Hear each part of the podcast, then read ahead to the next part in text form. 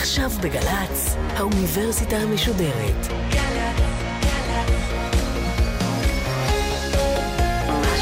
עכשיו.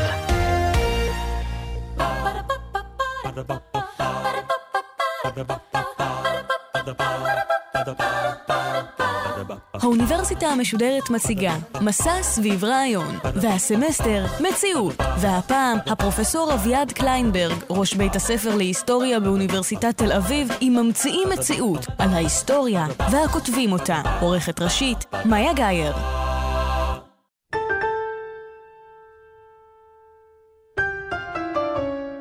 שלום, שמי אביעד קליינברג, אני ראש בית הספר להיסטוריה באוניברסיטת תל אביב. אני עוסק בחקר הדת, בעיקר בתקופות אה, של בין שלהי העת העתיקה לסוף אה, ימי הביניים. כתבתי ספרים שונים על הנצרות, על אה, פולחן הקדושים, על הורי קדושים, על חטאי המוות, ועכשיו סיימתי ספר שעוסק בהיבטים החושניים של האל בתרבויות הנוצרית והיהודית. הפעם אני אדבר, כפי שנתבקשתי, על ההיסטוריה ויחסה המורכב, אפשר לומר, למציאות. מה עושה ההיסטוריה? ההיסטוריה עוסקת בתיעודה של המציאות ובפירושה. זאת היומרה הראשונה והחשובה ביותר שלה. היא לא עוסקת בעולמות אפשריים, היא לא עוסקת בשאלות מופשטות, כלומר, במה היה קורה בעולם שבו כל בני אדם נוהגים בצורה רציונלית לחלוטין, אלא בעולם כפי שהוא, במה שאכן קרה. בספרו הפואטיקה, אחד הספרים החשובים שאריסטו כתב, אה, ספרות, נקרא לזה כך, קובע אריסטו שהשירה, כך הוא אומר, פילוסופית יותר מההיסטוריה. משום שהיא עוסקת במה שיכול היה להיות ובמה שצריך היה להיות. ואילו ההיסטוריה, הוא אומר, עוסקת רק במה שעשה אלקיביאדס ובמה שעשו אחרים לאלקיביאדס. עכשיו, ההגדרה הזאת של ההיסטוריה היא צרה מדי במונחי ההיסטוריה המודרנית, משום שהיא לא כוללת בתוכה את האלמנט הקריטי של פרשנות. מדבריו של אריסטו יכול להשתמע שההיסטוריה עוסקת רק בתיעוד, בסיפור מאורעות שקרו. למשל, הייתה מעין מצלמה תרבותית שמשחזרת במילים את מה שעשה אלקיביאדס ומה שעשו לו אחרים. כיום, ספק אם חיבור שלא מציע פרשנות, סיפור שכל כולו רשימת אירועים, היה מתקבל בקהילת ההיסטוריונים כיצירה הראויה לשם היסטוריה. ההיסטוריה מתחילה במעשיהם של אלקיביאדס ובני זמנו, אבל עוברת מהר מאוד להסברים. למה פעל אלקיביאדס כפי שפעל? למה הגיבו אחרים למעשיו כפי שהגיבו? מה היו ההשלכות של המעשים האלה? יתרה מזאת, ההיסטוריה המודרנית אינה רואה את עצמה מוגבלת לתיאור מעשיהם של אנשים חשובים כמו אלקיביאדס. היא עוסקת גם בקולקטיבים, כמו מדינת האתונאים או האליטה האתונאית, וגם בתופעות, כמו הכלכלה היוונית במאה החמישית לפני הספירה, או היחס לילדים ולעבדים בעולם העתיק, או הדרך שבה חוו בני תקופות שונות את היחס בין בני אדם לטבע למשל. בעצם, אם נרצה לדייק, ההיסטוריה עוסקת בכל מה שעבר. בכלכלה, בפסיכולוגיה, בתרבות, בפוליטיקה, ביחסים בין המינים, ברגשות וברעיונות. מבחינה זאת, נכון יותר לומר שההיסטוריה, יותר משהיא תחום מחקר שיש לו מושאים מוגבלים, היא ניסיון להבין את מכלול החוויה האנושית בעבר. ההיסטוריונים עוסקים אפוא במגוון עצום של תחומי עניין. כל מה שעבר, ללא יוצא מן הכלל, מעניין את ההיסטוריון. כפי שכתב פעם ההיסטוריון הצרפתי מרק בלוך, ההיסטוריון הוא כמו האוגר, המפלצת אוכלת האדם מן הפולקלור הצרפתי. כל מקום שבו הוא מריח בשר אדם, הוא יודע שהוא הולך לאכול את הארוחה שלו. בשאיפתו להסביר הסברים או לתת הסברים עמוקים ומקיפים ככל האפשר, ההיסטוריון הוא מעצם הגדרתו חוקר רב-תחומי. על פי תפיסת העולם המקצועית של היסטוריונים, חברות אנושיות הן מערכות מורכבות שבהן תרבות ומשפט וכלכלה ורעיונות פילוסופיים ודתיים ותפיסות עולם ותנאים פיזיים שלובים זה בזה. הקיום האנושי הוא מטריצה. כדי להבין מה עשה אלקיביאדס, יש להבין את החברה שבה הוא חי על היבטיה הרבים. אבל, כדי שנוכל להציע פרשנות, צריך להסכים על העובדות. פירוש המילה פקטום, עובדה בלטינית, הוא מה שנעשה. כדי שנוכל להציע פירוש למערכה הרת האסון של צבא אתונה בפיקודו של אלקיביאדס בסיציליה, במהלך מלחמת הפלפונז בין אתונה לספרטה, עלינו להסכים שהייתה מלחמה כזאת. שהיה ניסיון אתונאי לפלוש לסיציליה, ושהניסיון הזה אכן כשל. עלינו להסכים שאלקיביאדס היה ונברא, ולא משל היה. ללא הסכמה הזאת, אנחנו עוסקים לא ב facta, עובדות, אלא ב ficta, כלומר בדברים מומצאים, בבדיון, ב fiction. מניין לנו שהסיפורים שההיסטוריונים מציגים לנו כעובדות אכן התקיימו במציאות? בסופו של דבר, מה מבטיח לנו שהסיפורים שסיפרו כותבי עיתים מן העבר לא היו שקר או בדיון? במאה השביעית טען איזידור מסיביליה, באנציקלופדיה הגדולה שחיבר בשם האטימולוגיה, שההיסטוריון הטוב ביותר הוא עד הראייה. עד הראייה היה שם, והוא יודע לכאורה מה באמת קרה. הבעיה היא שרוב ההיסטוריונים לא היו עדי ראייה של הדברים שעליהם הם כותבים, וגם אם היו נוכחים באירוע היסטורי מסוים, קרב ווטרלו, נאמר, סביר להניח שראו רק חלק קטן מן התמונה הגדולה, וסביר עוד יותר, שבלא מחקר נוסף לא יבינו מה הייתה משמעות האירוע שבו השתתפו, מה היו הכוחות שהניעו אותו ומה היו השלכותיו. בטרם אנסה להשיב על השאלות האלה, אספר לכם סיפור. ההיסטוריה, כפי שמעיד שמה, storia באיטלקית, histoire בצרפתית, היא קודם כל סיפור. הנה הסיפור. במאה ה-13 מבקר האינקוויזיטור והתיאולוג הצרפתי אתיאן דה בורבון בכפר קטן מדרום לעיר ליון שבצרפת. כמו שאינקוויזיטורים אוהבים בדרך כלל, הוא שואל את האוכלוסייה המקומית, מה הן הפרקטיקות הדתיות שלהם? מה הדברים שהם עושים? אוקיי, הם הולכים לכנסייה, מה עוד? והם אומרים שכאשר הילדים שלהם חולים, או כאשר הם חושדים שהילדים שלהם הם ילדי חילוף, ילד חילוף זה אומר, עכשיו פונה להורים צעירים, אם הילד שלך, במקום לישון 23 שעות ביממה, במקום להיות שמן, רגוע ולחלוטין לא מציק להורים שלו, צורח כל הזמן, מתעורר כל חמש דקות, לא רוצה לאכול ומטריד, יש חשד סביר שהילד הזה הוא לא הילד האמיתי שלך, הוא הילד של הפיות שהחליפו את הילד שלך ונתנו לך את הילד שלהן, המעצבן והמרגיז. מה עושים במקרה כזה? הם אומרים, במקרה כזה אנחנו הולכים אה, ליער ואנחנו מטפלים בילד הזה על ידי טקסים מסוימים שמוקדשים לגיניפור, אנחנו מוצאים שני עצים, מעבירים את הילד מיד ליד, טובלים אותו בנהר, אחרי זה משאירים אותו במקום, משאירים אותו לאיזשהו זמן ואומרים לפיות, תיקחו את הילד המעצבן שלכם ותחזירו לנו את הילד השמן שלנו. יפה, הוא אומר, מי זה הגיניפור הזה? אני לא מכיר אותו. הם מספרים לו סיפור. תשמע, לפני שנים רבות, הייתה באזור טירה.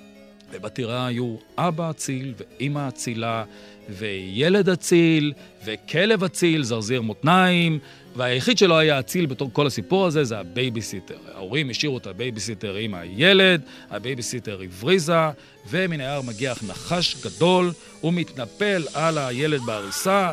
הכלב, זרזיר המתניים, מזהה את זה, מתנפל על הנחש, נאבק בו, נושך אותו ומצליח להרוג אותו.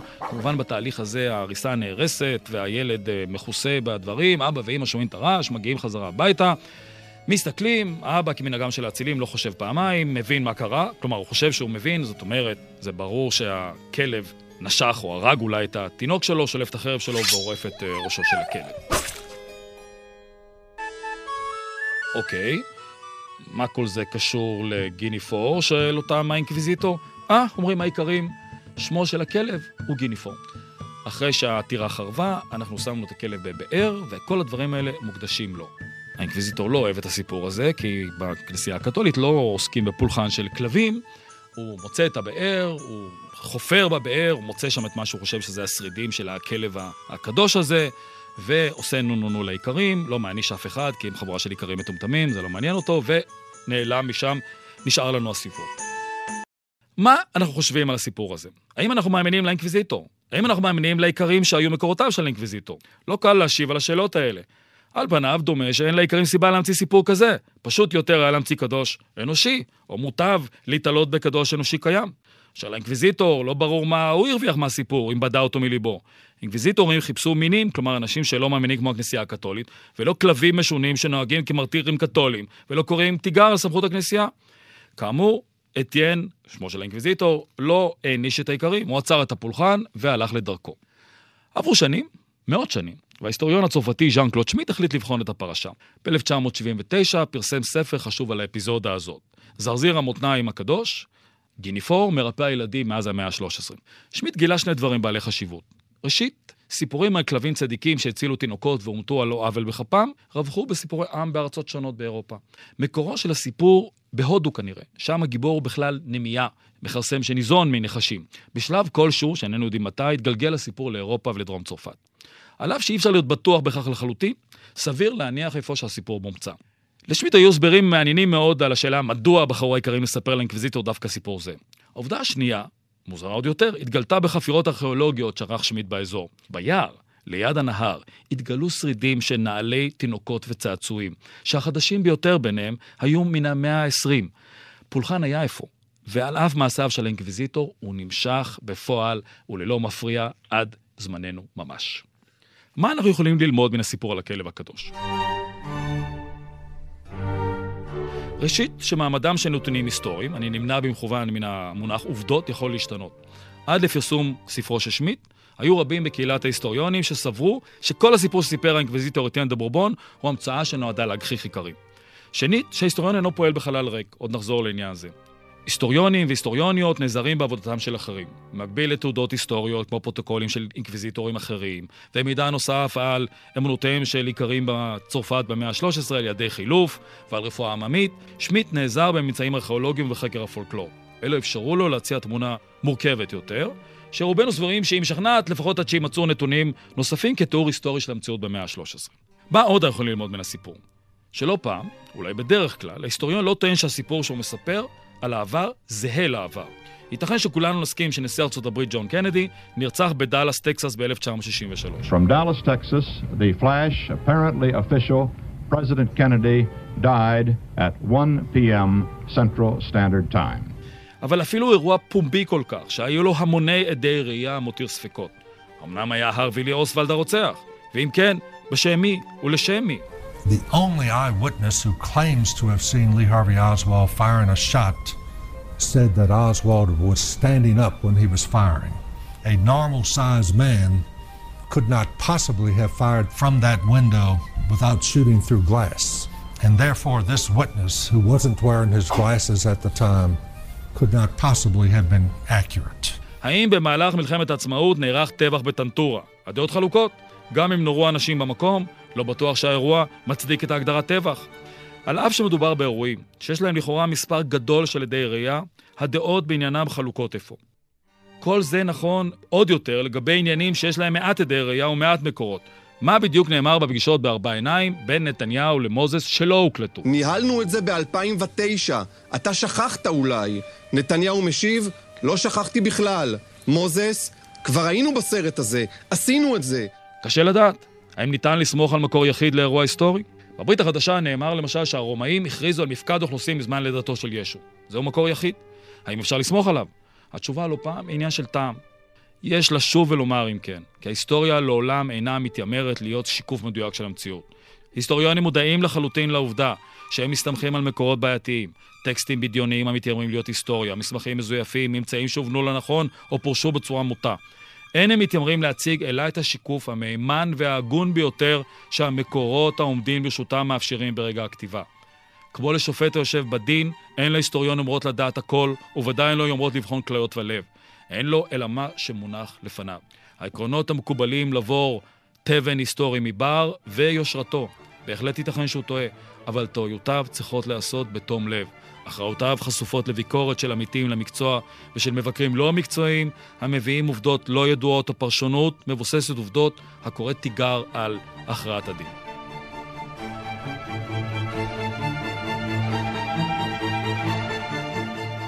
אבל הביקורת העיקרית בעשורים האחרונים על יומרת ההיסטוריה לשקף מציאות אינה ברמה הפילוסופית. המבקרים אינם באים חשבון עם ההיסטוריונים על מה שאינם יודעים, האמת ההיסטורית המלאה. הם מבקרים אותם על עיוות, מודע או לא מודע של תמונת העבר. במילים אחרות, הם אינם תוקפים את המקורות שההיסטוריונים משתמשים בהם, אלא את ההיסטוריונים עצמם. תהליך הטלת הספק באובייקטיביות של שיקוף המציאות הוא בעצמו תהליך היסטורי שניתן לבחון אותו בכליו של ההיסטוריון. הוא מתחולל במחזורים. אחת לתקופה נתקפים אנשים בספקות באשר לסיפורים שסיפרו להם אבותיהם. המחזור האחרון, שאנחנו מצויים בעיצומו, התחיל אחרי מלחמת העולם השנייה. המלחמה הזאת ערערה עד היסוד את אמונם של אנשים במה שהיה לכאורה מובן מאליו. דורות של מנהיגים סמכותיים שידעו או טענו שהם יודעים מה טוב בשבילנו, הובילו את המערב לאסון הגדול ביותר בתולדותיו. We may allow ourselves a brief period of rejoicing. But let us not forget for a moment the toils and efforts that lie ahead. בשנות ה-60 קראו בני הדור הבייבי בום. תיגר על הפוליטיקאים שהבטחותיהם לא קוימו, על הכנסייה שהתבררה כמשענת קנה רצוץ מוסרי מול כוחות הרוע הנאצים, על מערכת החינוך שלימדה לציית ולא לבקר, על היחסים בין המינים שהפלו לרעה נשים בשם האל והאינטרס הציבורי, על היחס למיניות שדיכא תשוקות שנראו פתאום לגיטימיות בעיני הצעירים. על יחס למדינה וללאום, שנראה פתאום כמתכון בטוח לפשיזם ואף גרוע מזה. מאליו מובן שלספקנות החברתית-פוליטית הזאת היו ביטויים אינטלקטואליים. כפי שציינתי, הביקורת החדשה לא התמקדה בביקורת פילוסופית על טענות האמת של ההיסטוריונים. היא הייתה פוליטית-חברתית והתמקדה בנרטיב ההיסטוריוגרפי. במילים אחרות היא טענה שגם אם כל העובדות בספרי ההיסטוריונים נכונים, אין עובדות אלטרנטיביות, הדרך שבה הן מוצגות, הנרטיב, מוטה ולא פעם נועד לקדם אינטרסים קונקרטיים של אליטה כלשהי במסווה של הצגה אובייקטיבית של המציאות. זה לא התחיל בשנות ה-60 וה-70 של המאה ה-20. אפשר לטעון שהביקורת על הנרטיב ההגמוני התחילה עם טענתו של קרל מרקס, שמאחורי המילים הגדולות על מוסר וערכים עומדים אינטרסים כלכליים, שליטה באמצעי הייצור. אפשר לטעון גם שהפסיכואנליזה של סיגמונד פרויד הייתה בבחינת הטלת ספק גורפת בשיח הגלוי של מערכות תרבותיות, בעיקר במקרה של פרויד, בדת שפרויד ראה בסדרה של הצדקות מיתיות לדחפים יצריים מודחקים. אפשר לטעון שהתקפה של פרידריך ניטשה על הרציונליזם המערבי כמאמץ דכאני לסרס את הדחפים היצירתיים בשם מה שהוא כינה מוסר עבדים, הייתה מהלך של הטלת ספק בתרבות המערבית ובשיח הרשמי שלה. אפשר לטעון שמחקריהם של אנתרופולוגים, מפרנץ בועז ועד אבנס בריצ'ארד, מרגרט מיד וברוניסלב מלנובסקי הראו שתרבויות פרימיטיביות במרכאות כפולות לכאורה אינן נטולות היגיון וילדותיות אלא ביטוי לאפשרויות חברתיות ותרבותיות המערער את ההנחה שרק התרבות המערבית היא רציונלית ומוסרית ושכל זה יצר מעין רלטיביזם תרבותי רב השפעה. כל הטענות הללו נכונות. הביקורת על תפיסת המציאות במחצית השנייה של המאה ה-20 לא נבראה יש מאין. היו לה שורשים היסטוריים. ועם זאת ברור שהיא לקחה את הטענות הללו צעד נוסף קדימה במה שכונה מאז הפוסט-מודרניזם. לביקורת החדשה על הנרטיבים המקובלים היו אבות ואימהות רבים. יריית הפתיחה נורתה בספרו של הפילוסוף וההיסטוריון של המדע תומאס קון על המבנה של מהפכות מדעיות, שהתפרסם לראשונה ב-1962. קון הטיל ספק במה שנתפס לכאורה כמופת המובהק של אובייקטיביות, במדע. לא סתם במדע, במדע האמפירי. לכאורה המדע האמפירי הוא ביטוי פשוט של התבוננות במציאות. המדענים מסתכלים על המציאות, והם מתעדים אותה, ואז הם עושים ניסיונות שאפשר לחזור עליהם, והניסיונות האלה הם לחלוטין אובייקטיביים. בספרו טען קון שהתהליך מסובך יותר ואינו חף מהטיה. הוא טען שמדענים פועלים בתוך פרדיגמה. הפרדיגמה מבחינתו היא מעין נרטיב על פרשני.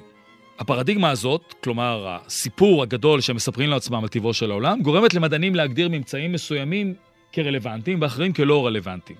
על פי קון, יש למדענים אינטרס לשמור על מסגרת המחקר המוכרת להם, ולכן אין ברצונם לייצר חידוש שיגרום להם להגדיר מחדש את כל מה שעשו עד כה, ובאיזשהו אופן להתחיל מנקודת זינוק חדשה. עכשיו, קון לא הרחיב בדבריו על אינטרסים חוץ-מדעיים. רוב המחקר שלו מדגיש מחויבות אינטלקטואלית לפרדיגמה השלטת, ולא רווח כלכלי או פוליטי. אבל קון הצליח לערער את הביטחון בתפיסה האובייקטיבית של המדע. דחיית ממצאים מסוימים, טען קון, על אף שאלה היו אמורים להביא לחשיבה מחודשת על התפיסה הרווחת, מונעת ממניעים סוציולוגיים ולא אובייקטיביים.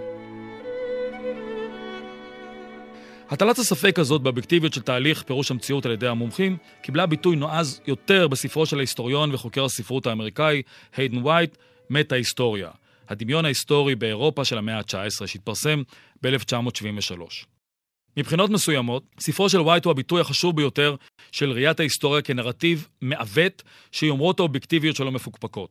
וייט מראה כיצד היסטוריונים בוחרים בנרטיב שמטה את כל הדרך שבה העובדות מוצגות. הוא מונה כנרטיבים רווחים את הטרגדיה, הקומדיה, הסאטירה והרומנסה.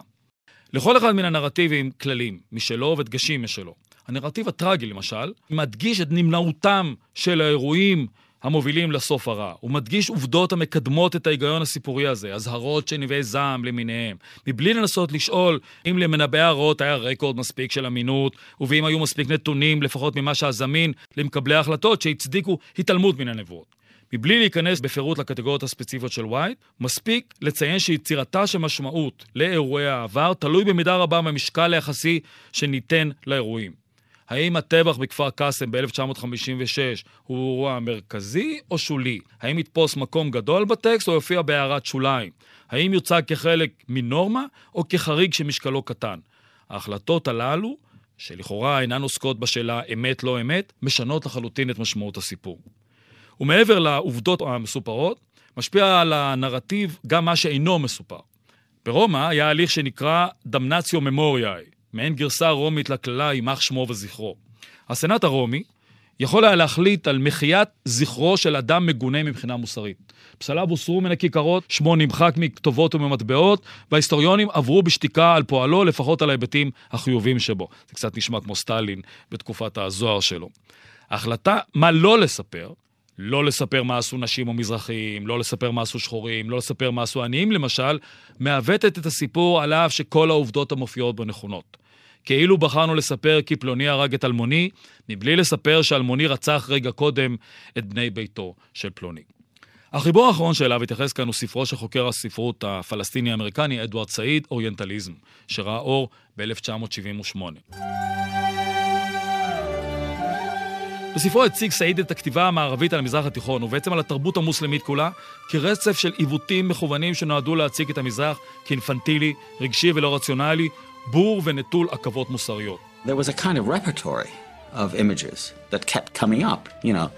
The East is a kind of mysterious place full of secrets and monsters. So there develops a kind of image of the timeless Orient, as if the Orient, unlike the West, doesn't develop, it stays the same. And that's one of the problems with Orientalism, is it creates an image outside of history, of something that is placid and still and eternal.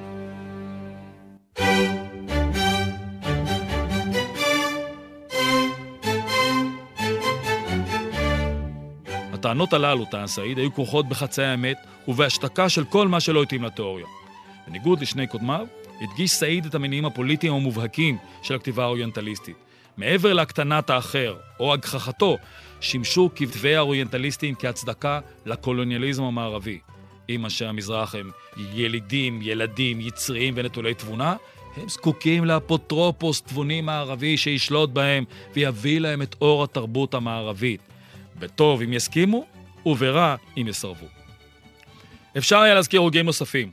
מסימון דה בובואר שספרה המין השני בחן את המנגנונים שבעזרתם הוצגו נשים במונחים דומים לאלה שבאמצעותם הצדיקו כתבי האוריינטליסטים את שיעבוד המזרח, ועד מישל פוקו שהציג בספריו את צדדיה האפלים של הנאורות המערבית, אידיאולוגיה שהכריזה הכרזות רמות על שוויון וחופש, ושללה לא פעם זכויות, חירויות וחיים בשם התבונה. אולם לצרכנו די באלה. התפיסה שרואה בהיסטוריונים יצרני נרטיבים המשרתים אינטרסים פוליטיים וכלכליים, היא כיום חלק אינטגרלי מן השיח הציבורי. טענתו של ההיסטוריון כי הוא מספר את המאורעות כפי שבאמת היו, נתקלת במשיכת כתפיים. באמת היו? הוא מספר את הנרטיב שלו. ישנם גם נרטיבים אחרים. What if you're wrong? Well, what if I'm wrong? I mean, you happen to have been brought up, I would presume, in the Christian faith. You know what it's like not to believe in a particular faith because you're not a Muslim, you're not a Hindu. Why aren't you a Hindu? Because you happen to have been brought up in America, not in India. If you'd been brought up in India, you'd be a Hindu. If you were brought up in classical Greece, you'd be believing in Zeus. If you were brought up in Central Africa, you'd be believing in the great juju up the mountain.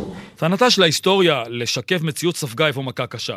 בעיני המבקרים אין סתם נרטיב היסטורי, יש נרטיב ווספי, קולוניאליסטי, אשכנזי, ציוני, שוביניסטי וכולי.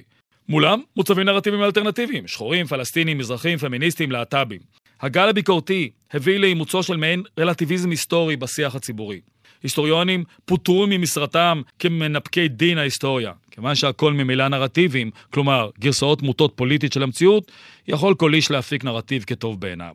ההבדלים בין נרטיב אחד למשנהו הם במידה לא מעטה עניין של השתייכות גזעית, עדתית, לאומית, מינית, פוליטית. אם ממילא אין לסמוך על ההיסטוריה, השאלה הקריטית היא לא האם אתה היסטוריון מקצועי, אלא הלנו אתה אם לצרינו.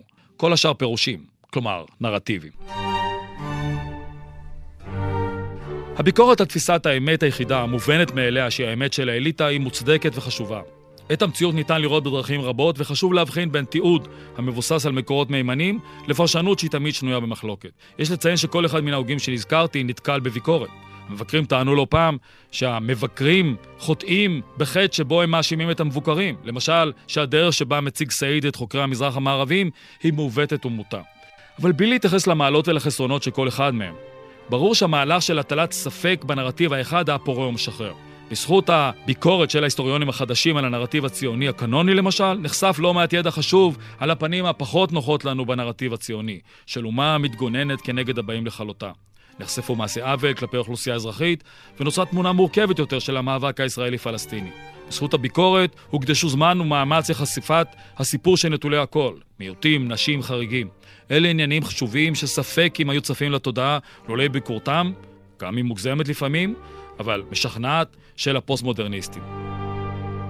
אלא שגם לסיפור הזה יש פן נוסף. ההתקפות על תפיסת האמת הפכו לא פעם, כפי שאמרתי קודם, להתקפות על מושג האמת בכלל. זהו מהלך מסוכן. האמת המדעית, ההיסטורית, כמשהו שיש לשאוף אליו, ושניתן להגיע לקירובים גדולים יותר ופחות אליו, אינה כלי לשעבוד. כלומר, מעתה כולם צריכים לחשוב אותו דבר, אלא לשחרור. משום שהאמת אינה תוצר פוליטי של צרכיה של קהילה, ולפחות אינה רק תוצר פוליטי. היא מאפשרת לנו ללכת נגד הזרם ולסרב לקבל את סמכותם של אדוני השיח הציבורי. אני יכול להיות אשכנזי המקבל את הפרשנות המזרחית להיסטוריה, לא משום שאני תומך במזרחים אידיאולוגית, אלא משום שהיא בת תוקף בעיניי. במאה החמישית, לפני הספירה, אמר זאת יפה אריסטו בדברו על מורהו אפלטון. אפלטון אמר אריסטו, הוא ידידי, אבל האמת, ידידה גדולה יותר.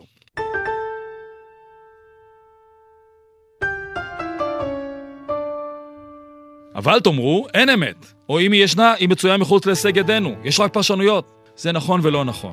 נכון? משום שבמובן העמוק איננו יכולים להגיע אל האמת המוחלטת, כשם שאיננו יכולים לשקף אחת לאחת את המציאות. יש יותר מדי רעש במערכת, אינטרסים, דעות קדומות, הטיות, אי דיוקים, מכדי שנוכל אי פעם להתיימר לדעת בביטחון מה בדיוק היה. אבל מן הטענה הזאת לא נובע שכל הפרשנויות שוות ערך. היסטוריונים יכולים להיות חלוקים בדעותיהם בשאלה כמה רציני היה האיום האיראני למחוק את הישות הציונית. האם היו אלה סיסמאות ריקות או הצהרת כוונות מעשית? קשה לומר, לפחות במצב הידע שלנו כיום. אבל היסטוריון רציני לא יסתפק בספקולציות על השאלה הזאת. הוא ינסה לברר מי באיראן הצהיר כך ומי אחרת. אילו הכנות מעשיות נעשו כדי להגשים את האיום? מי היו הכוחות שראו בו איום סרק? היסטוריון של ישראל יכול לחשוב שהאיום שמציב המיעוט הפלסטיני לרוב היהודי הוא אמיתי, אבל אם הוא היסטוריון רציני, הוא לא יסתפק בתחושות בטן, אלא יבחן את מכלול האמירות הפלסטיניות, ולא רק את הפרובוקטיביות ביותר, ואת השתתפותם בפועל של אזרחי ישראל הערבים בפעולות נגד המדינה. איננו יודעים להשיב תשובה ניצחת לשאלה מדוע קרסה האימפריה הרומית במערב. אבל היסטוריון רציני לא יטען שהמערב ניגף אחת ולתמיד כתוצאה מפלישת הברברים אליו במאה הרביעית. זה פשוט לא מסתדר עם העובדות. יותר מדי זמן עבר בין הפלישות להתמוטטות השלטון הקיסרי במערב, ויותר מדי גורמים נוספים פעלו את פעולתם. היסטוריון רציני ייקח בחשבון גם עובדות שאינן מסתדרות עם העדפותיו הפוליטית. שכן, גבירותיי ורבותיי, יש בנמצא היסטוריונים רציניים. הם מודעים למגבלותיהם, הם מודעים להטיותיהם ומשתדלים להתגבר עליהם. הם בוחנים בזהירות ובשיטתיות את כל המקורות הזמינים. הם מצליבים עדויות, הם לומדים היטב את נושאי המחקר שלהם ומצרפים למחקריהם מראי מקום, הפניות למעוקרות המאפשרים לעמיתיהם לבחון את טענותיהם ולקרוא עליהם תיגר. ולא פעם היסטוריונים, גם מאותו מחנה פוליטי, אכן קוראים תיגר זה על פרשנותו של זה, ואפילו הפרשנות הנוחה להם ביותר. זוהי חובתם המוסרית והמקצועית. היסטוריונים טובים מחויבים לאמת יותר מאשר לאפלטון. כי אם אין היסטוריה, כלומר גרסה אמינה וממוסמכת של העבר, נגזר עלינו לחיות בעולם מיתולוגי, עולם שאין בו עבר. אם אין אמת היסטורית, איננו יכולים ללמוד מטעויותינו ומהצלחותינו. אם אין אמת היסטורית, נגזר עלינו לחיות בעולם העובדות האלטרנטיביות ולהתפלא שוב ושוב שהעולם מסרב לנהוג על פי הנרטיבים שגורמים לנו אולי להרגיש טוב עם עצמנו, אבל מובילים אותנו להתרסק שוב ושוב על קרקע המציאות.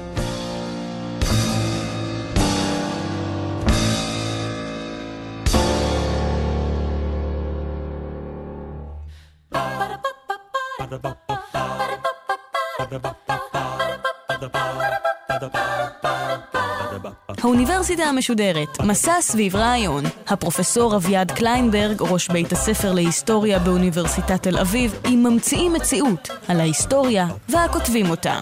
עורכת ראשית, מאיה גאייר, עורכת ומפיקה, אחינועם קפון, מפיקה ראשית, אביגיל קוש, מנהלת תוכן, מאיה להט קרמן. האוניברסיטה המשודרת, בכל זמן שתרצו, באתר וביישומון של גל"צ, וגם בדף הפייסבוק של האוניברסיטה המשודרת.